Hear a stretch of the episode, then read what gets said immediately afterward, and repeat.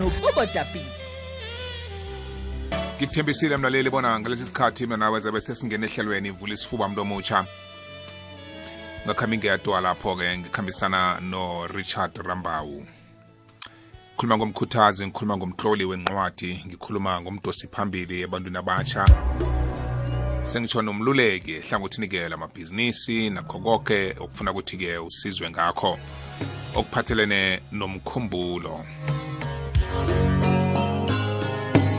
Likutana angikhohlwa mlaleli ngelinye lamalanga kuleli hlelo yakhe yacoca indaba eqakathekileko yokuthi umuntu ungubani. Ngazi bona usilokhumbula lelo hlelo. Sivezela ukuthi umuntu ungubani kusuka lapho-ke wasitshela ukuthi thina sele sazi bona umuntu ungubani kufanele sikhethe kuhle ukuthi sifuna ukuba bobani. Sibuya naye namhlanje mlaleli sikhambisana naye nje sizokukhulumisa indaba eqakathekileko. Sezehlile inyembezi ebusweni. Seminyaka ulila. Mhlambe azisaphumi nokuphuma. Nalokho nawuvela abantu sebakuthiye nebizo ngoba uhlala ulila. Yonke ikulumo yakho oyenzako ikhamba nenyembezi phakathi. Ngombana kubuhlungu okwenzekileko. Kubuhlungu odlulekikho budisi obubekezeleleko kodwa namhlanje sithi kuwe ungalili khulu. Ungalili khulu. Akusingibike oyiphetheko ikulumo le idoswa phambili kamnandi ngurichard rambawu angikwamukele rich. Ngithokoze kukhuluma mbalo ukuba nawe kwekwezi fm singalotshisa nomlaleli ekhaya. Eh ngiyabonga ukuthi sihlangane futhi mthombothi kuleli hlelo lanamhlanje. nisaphilile Hayi ngisaphilile. Ngiyathemba ukuthi nabalaleli ekhaya abasaphilile nabo. hayi nathi sikhamba kuhle sisaphilile. Umraro asinawo. Sithabele nje ukuzwa iphimbo lakho silindelele itho likhulunga kuwe siyazibona ngasonke isikhathi nasihlangana nawe. Kunenge siyothi nasihlukanako ikhisibe sikufundile. Namhlanje usiphatheleni Hayi sibonga uzimo eh, mthombothi namhlanje ngifuna sikhulume vele ngale ndaba yokuthi ungalili khulu. Eh mthombothi le- ndaba lena kahle kahle ngithe mangihlele ngibheka nje ngabona ukuthi yabona abantu bayakhala. mm, Abantu bakhala njalo abantu bayalila mthombothi. mm, izinto azihambi kahle kwabantu abaningi abanye abantu njengoba sikhuluma so eh baya bayasimamela nje mara bangazimiselanga ngokusimamela. Basimamela ngoba bavula iradio mara bayalila. Mm, ubuthongo abusekho because bayalila. Hmm. eziningi okuningi okumele bakwenze abakwenzi abakwenzi because bathatha lesi sikhathi ekumele basebenzise ukwenza ezinye izinto basisipere or basisibeke basibekele esayidini just for ukukhala mm, manje be- bengifuna namhlanje sikhuthaza umlaleli ukuthi khona izinto ezenzakalayo empilweni ezizosikhalisa vele. Eh mara ngifuna siqale la ukuthi kahle kahle yini ukulila yini ukukhala. Ya. Eh ukukhala it is shedding tears as an expression of how you feel. Mm, ukhipha inyembezi uzama ukuveza ukuthi wena kahle kahle ufila yini ngaphakathi. Mm, kahle kahle kusho ukuthi ukukhala akuqali ngenyembezi ukuqala ngaphakathi. Ya. Uma seyi-pressure i-too much ngaphakathi ungasakwazi ukuyi-englisha kula vele okuphuma iy'nyembezi khona. Hmm. kusho ukuthi iy'nyembezi maziphuma azisakhulumi nawe uyi-one sezikhuluma nabantu abakhona around wena. Mm, Kune- uma usuzwa ubuhlungu or ukukhala sekuqala ngaphakathi abantu abaningi angeke bakhona ukukubona. Mara once iy'nyembezi aqala ukuphuma siyabona-ke ukuthi hey, la ngathi kunenkinga lo ngathi akekho right. Mm, manje-ke singazibuza nje umbuzo eyi-one ukuthi yini kahle kahle ikhalisa abantu? Abantu bakhalisa bakhaliswa mthombothi ngokuthi basuka bezwe ubuhlungu. Yeah. Singaphinda futhi sibuye sibuzane ukuthi ubuhlungu obunjani or lo buhlungu bukhoswa yini? Ngifuna nje sibheke nje ama-aspects awu-four ziningi izinto ezikhalisa abantu ngi-understand but namhlanje ngifuna sibheke nje izinto ezi-four ezikhalisa abantu kabuhlungu kanje. Indaba yokuqala ekhalisa abantu ile nto le babiza ngama-disappointment. Yeah njengokuthi uma siphila nabantu mihla yonke kusuka kunezinto esithi masibabheka laba bantu sizicabanga ukuthi lo yilento kumele ayenze. Uma umuntu aseduze nami ngiza ngicabanga ukuthi lo muntu lo eh angeke ayenze izinto ezizongizwisa uhlungu because ngiyamthemba. Because ngicabanga ukuthi lolu thando enginalo mina for yena naye unalo. From there sigcina sesi-expecta kakhulu kwebantu. And then umuntu umuntu mthombothi njengoba sihlile ngesinye isikhathi sishilo ngesinye isikhathi ukuthi ubani umuntu? Umuntu ungumuntu akusowethu umuntu wakaNkuluNkulu. And akusuka kaNkuluNkulu kuphela wakaNkuluNkulu nosathane. Kusho ukuthi kunabantu abazokuzwisa ubuhlungu because wena wabona njengabantu bakaNkuluNkulu. Kodwa ke akusabantu bakaNkuluNkulu per se abantu beNkuluNkulu per creation. But impilo zabo baziphila baziphilela usathane. Kusho ukuthi labo bantu ku-easy ukuthi bakuzwise ubuhlungu because usathane kahle kahle ujabula labantwana bakaNkuluNkulu bangajabulanga khona. Akajabuliswa ngokuthi umthumbuthi uright uyahleka ujabulile. Yeah. Kusho ukuthi ukujabula kwakho can be a threat to other people. Mm. ukujabula kwakho wena kungenza ukuthi umunye umuntu angalali. Mm. asuke sacabanga ukuthi yini engakwenze yini engakwenza yena ukuthi uzukhale Mm. manje ke uma so expecta kakhulu mthombothi kwebantu abantu bayadisappointa yes indaba ebuhlungu ukuthi uma abantu sebadisappointa awusakhaliswa or awusazwisa ubuhlungu ngokuthi bayenzeni. Uzwisa ubuhlungu ngokuthi wena boca uba-expect ukuthi bayenze yini ubuhlungu bula ekutheni um mthombothi wena uphume uthi ngiya um ngiyasamwe ngiyocela something. Unamandla nethemba lokuthi bazonginikeza uma ufika balincishe. Mm. because wena besunethemba you are disappointed. Akusho ukuthi laba bantu laba bakuncishile babi Mm. yeah it's just that when you expect too much because ngesinye isikhathi esiningi mase si-expect izinto siyakhohlwa ukuthi akusiyo yonke into uzoyi-expect uzoyithola Mm. mase udisappointekile uhlala phansi uzibuze imibuzo eminingi unganama-answer for yona Hmm. uzoba sewuzibuza ukuthi mara why abantu bangenza kanje Mm. why why isimo sikanje yeah isimo sikanjalo because awuchoose ukuthi kuyenzakaleni around you uchoose ukuthi wena uresponda kanjani kuleso simo esenzakele Mm. in other ways ngifuna ukuthi ama-disappointment amaningi lawa azacegcina sekalelisa abantu bakhalisa abantu Mm. kusuka sekukuthi i-reaction yokuthi wena lento eyenzakele kuwe usuka soyibona kanjani ngelihlo elinjani ma uhleli uyi-one Hmm. kulama-disappointment kunezinto eziningi ezenzakalayo from that reaction ugcina sewuzonda abantu yeah. unnecessarily. Yes. Because uyitshela ukuthi abantu bakudisappointa because abakuthandi. Mm. usuke sewuyitshela ukuthi izinto eziningi ezenzakalayo kuwe zenzeka ngoba eh wena mhlambe abantu abakufiseli kuhle. Mm. kanti esikhathini esiningi kumele si-understand ukuthi akusi yonke into uzothi mase uhleli phansi ukuthi le kumele ngiyithole ngesikhathi esiso uzoyithola Mm. if kuyayenzeka mthombothi ukuthi wena personally uyitshele ukuthi hayi namhlanje ngizo eh, ngi- ngiyalala ngizovuka ngo-four kungayenzeka ukuthi oversleep ungasavuki ngalo-four yes meaning that now you are disappointing yourself from the promises you have made for yourself Mm. if uyakhona ukuzidisappointa wena yini ezohlula ukuthi laba abanye abantu bak- bakudisappointe Mm. Manje le ndaba yama-disappointment eh, eh, mthombothi ililisa abantu njalo Mm. ekugcineni sikhuluma ngokuthi yini esingayenza uma sihlangana naleso simo Mm. okwamanje ngifuna sibheke enye into ekhalisa abantu kunalesimo lesi es- esenzakalayo these days namhlanje se- these days ngathi sesingena kwi-fashion Mm. ukuhlukana nomuntu omthandayo ngesilungu bathi divorce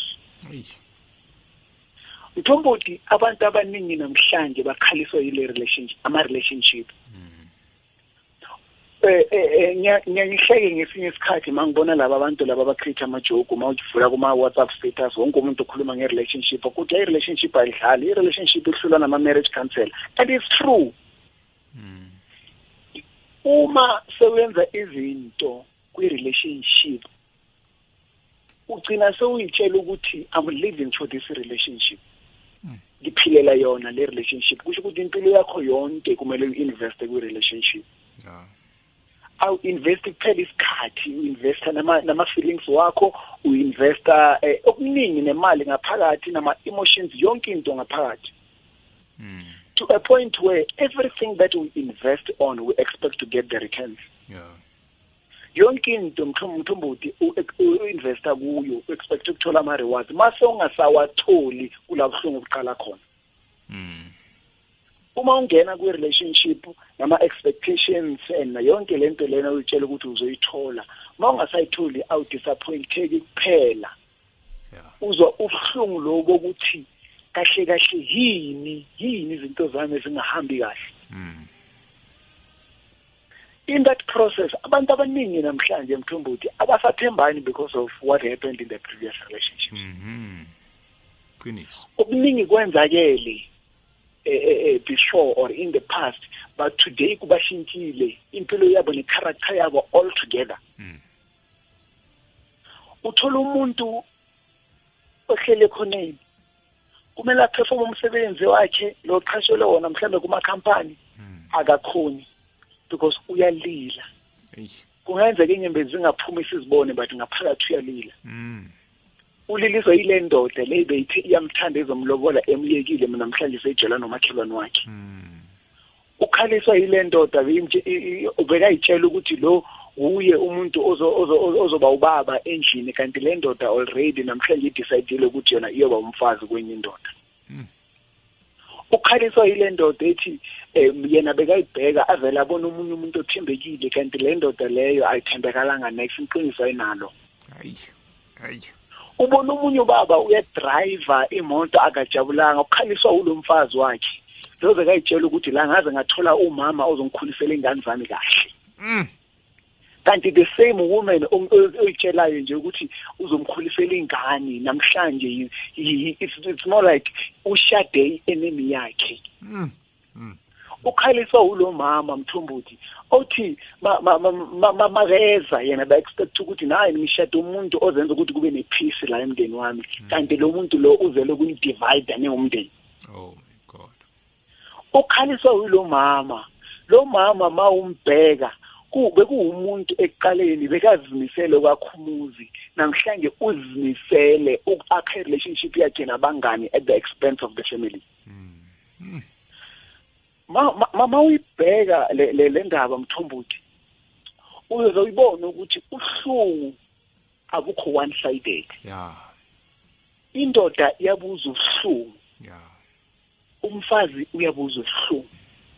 Abantu mabakhuluma bathi indoda ayikhali nathi masikhula sakhuliswa kanjalo ukuthi indoda ayikhali but inqiniso ithi if ever akumele sikhale why unkulunkulu asiphile inyembezi Mm. amadoda amaningi namhlanje asafara from i-depression because in i-culture ibafundise ukuthi indoda ayikhali Yeah. mara i-culture ayisifundisi ukuthi indoda ayibuzwa ubuhlungu no ithi akhali thina masizwa ubuhlungu sigcina sesifela ngaphakathi mthombothi Yeah. singakhoni ukuthola usizo because sifuna uku-honorisha i-culture i-culture leyo yasifundisa ukuthi akukhalwa ma uyindoda sometimes kunezinto eziningi ezibuhlungu ezenzakalayo kithi amadoda mara asikhona ukuzikhuluma Mm. because sesizibuza ukuthi umhlaba uzothini abangani bami bazothini ifamily yona izothini Mm. Mm. Ngithe uma ngi-check-a ngelinye ilanga ngizama uku-check-a ukuthi i-rate between abantu besimama namadoda yabantu abazibulalayo abo bani i realize ukuthi men are the most people who are committing suicide Yeah. Yeah. and then the reason why lokho kwenzeka it is because amadoda awatholi isizo awatholi usizo in time because we always want to wear that mask of being strong while we are dying from inside abomama uyazi abomama ba- bayayikhulumele nje umama makajabulile or umjabulisile endlini makafika emsebenzini amakholiki wakhe bayobona ngaye asangena ngomnyango ukuthi lo bamjabulisile nakhona mabamkwatisile uyocala ukuzwa ngomakhelwane uyocaqala ukutshela ama- umakhelwane until azayitshela nabantu baseteksini until ay- aye la aya khona uzoba sekayikhuluma le ndaba uzoba sakubiza ngamagama wonke na- lenja lena eh, lo mgodoyi this and that this and that abantu besimama. Because bayasithola isikhathi esiningi sokukhuluma no-expressa the way bafila ngakhona ku-easy ukuthi bathole isizo nama-advice. Manje le ndaba le le le le ihlukanisa abantu kuma relationship umthombothi yiyo elilisa abantu esikhathini esiningi. Yeah.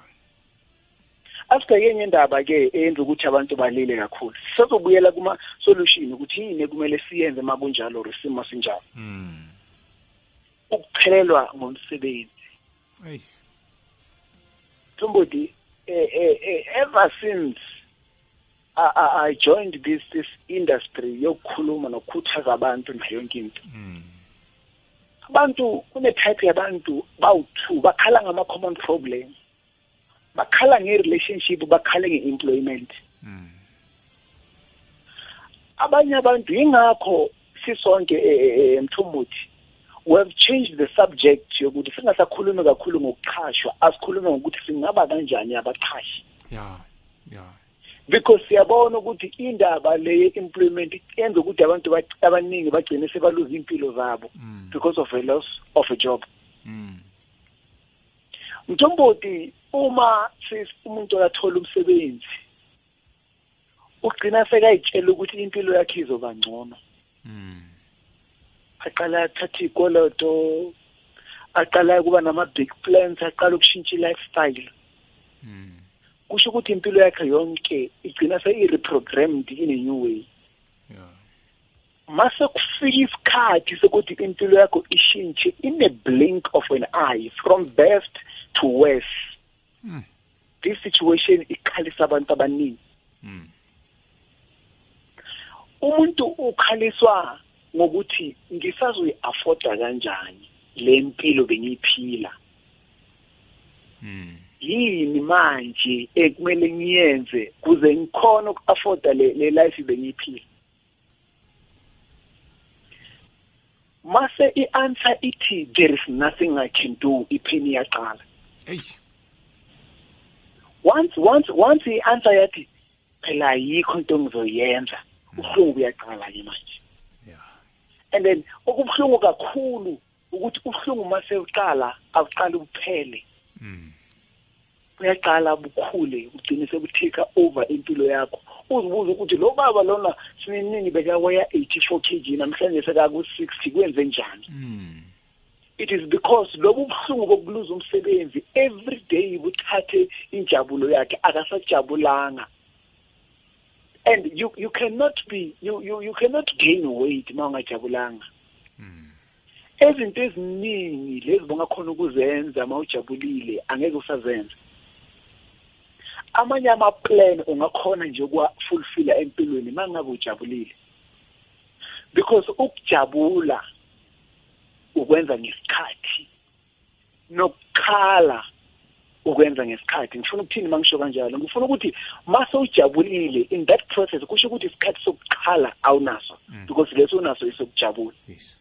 Manje ke mase unesikhathi sokukhala esokujabula kusho ukuthi awusenaso. Meaning that in 24 hours yonke if wena ukhala 20 hours kusho ukuthi une 20 hours without happiness. Yo. The question will be why what is the life without happiness? Mm.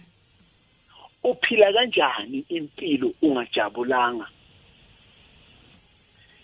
From there ungajabulanga mthumbuthi into yenzayo mawuhleli one you are trying to dig for the solutions. Or that is what you are supposed to do try and find the solutions. But abanye abantu they start to dig out the reasons why this had happened. Mm. not ukuthi ngingayenzani no why kwenzekile. Wow. Uma se umuntu ahleli phansi azibuza ukuthi why mara kwenzeke so? Why mara angiyekile? Why mara ba-retrenche mina why this and that had happened to me? Mm. ugcina se uyinikeza ama-answer. Remember uyazibuza awubuzi abantu. Uyazibuza. Kusho ukuthi ma uzibuza kumele uthole impendulo kuwe.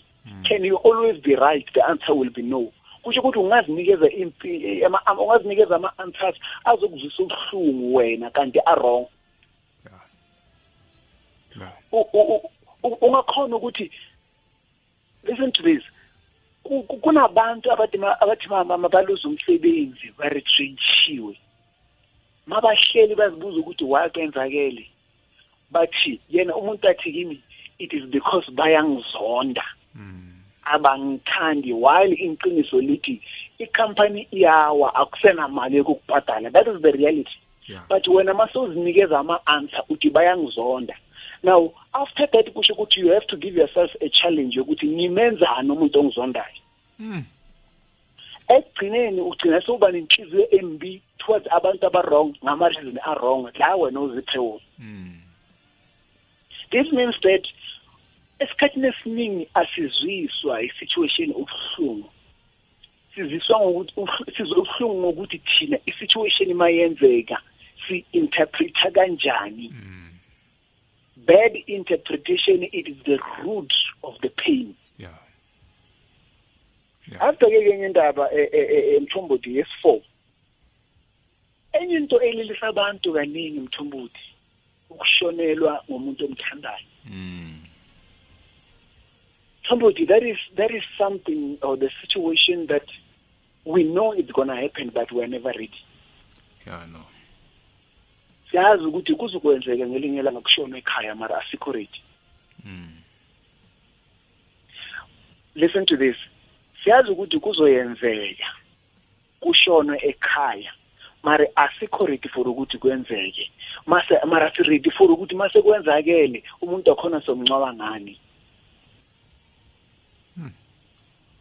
what i'm trying to say is that that is why sibhadala ama-account si-investa imali zethu kuma-account kuma-funeral policy nama-funeral account. Mm. because siyazi ukuthi umuntu masekashonile kumele simngcwabe but are we ready for ukuthi lo muntu ashone ekhaya? No we are not. No, we are not. we are not. E- e- every time makushoniwe ekhaya mthombothi uyawufisa ukuthi ungathi if bekushone la umngcwabo lo bekumele wenzelwe la ku- ku- ku- kuma-neighbor. Bekungamele kushonwe la. Kumele kushone somewhere else or kungayenzeki at all. Isifiso sawonke umuntu. Mm. ngisho umuntu angakhula mthombothi aze adlule i-hundred but still asifune ashone.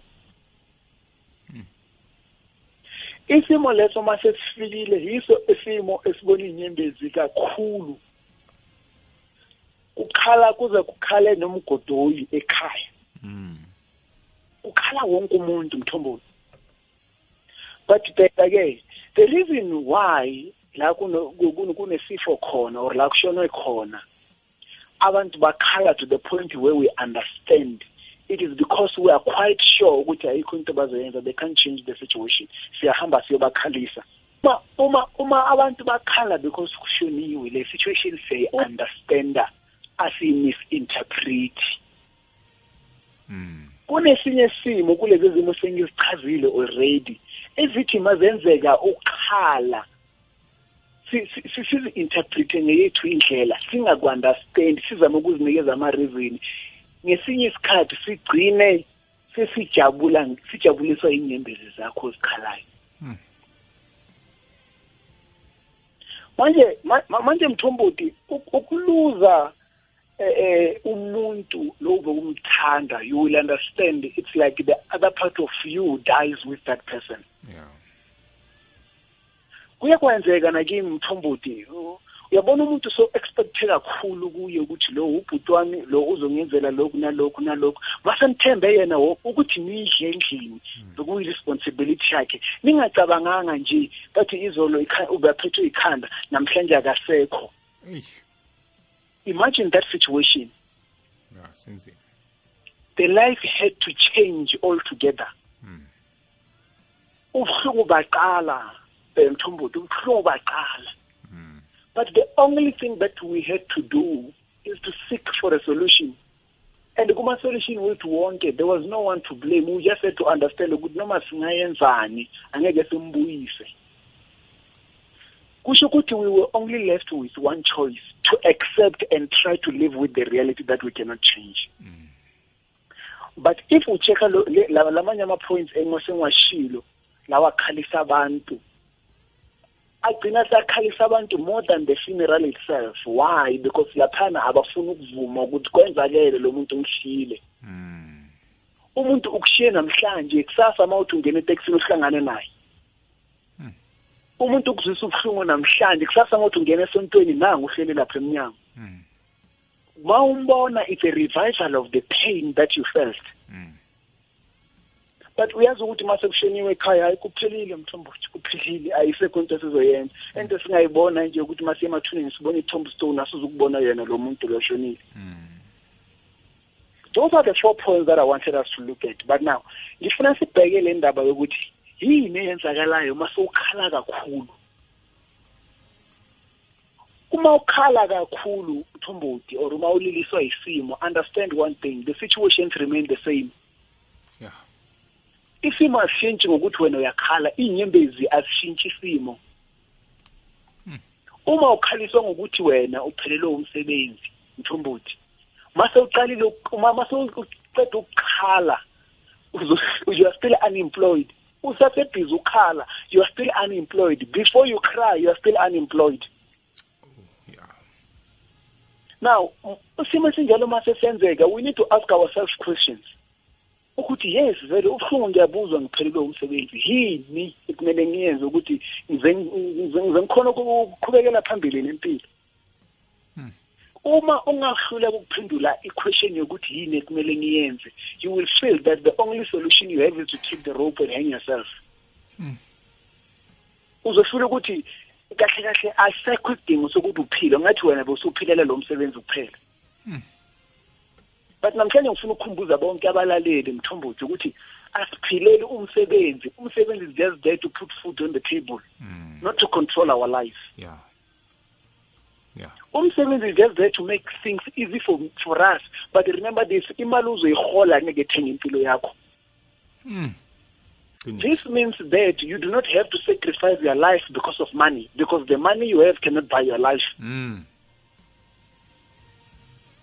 Manje ngithi umuntu makalila kakhulu mthombothi isimo asishintshi so ngithi kumlaleli thula ungakhali sula lezo inyembezi if ukhaliswa umsebenzi phuma ekuseni uyofuna omunye umsebenzi. Yeah angithi nalo okukhalisayo uye wafaka i-CV bakuchasha kusho ukuthi mase uphela kunabanye abantu abakulindile abasazokuchasha yeke ukukhala enye into enzakalayo uma sowulila kakhulu mthombothi is that abantu abaningi they pretend to share the pain bakuzola ubuhlungu kanti abekho. Yes. Mase ubonisa ubonisa abantu iy'nyembezi zakho day in day out uchazela wonke umuntu inkinga unayo abanye abantu they will say shame sorry for you but in their hearts they are saying ulayekile buzenza ngcono. Mm.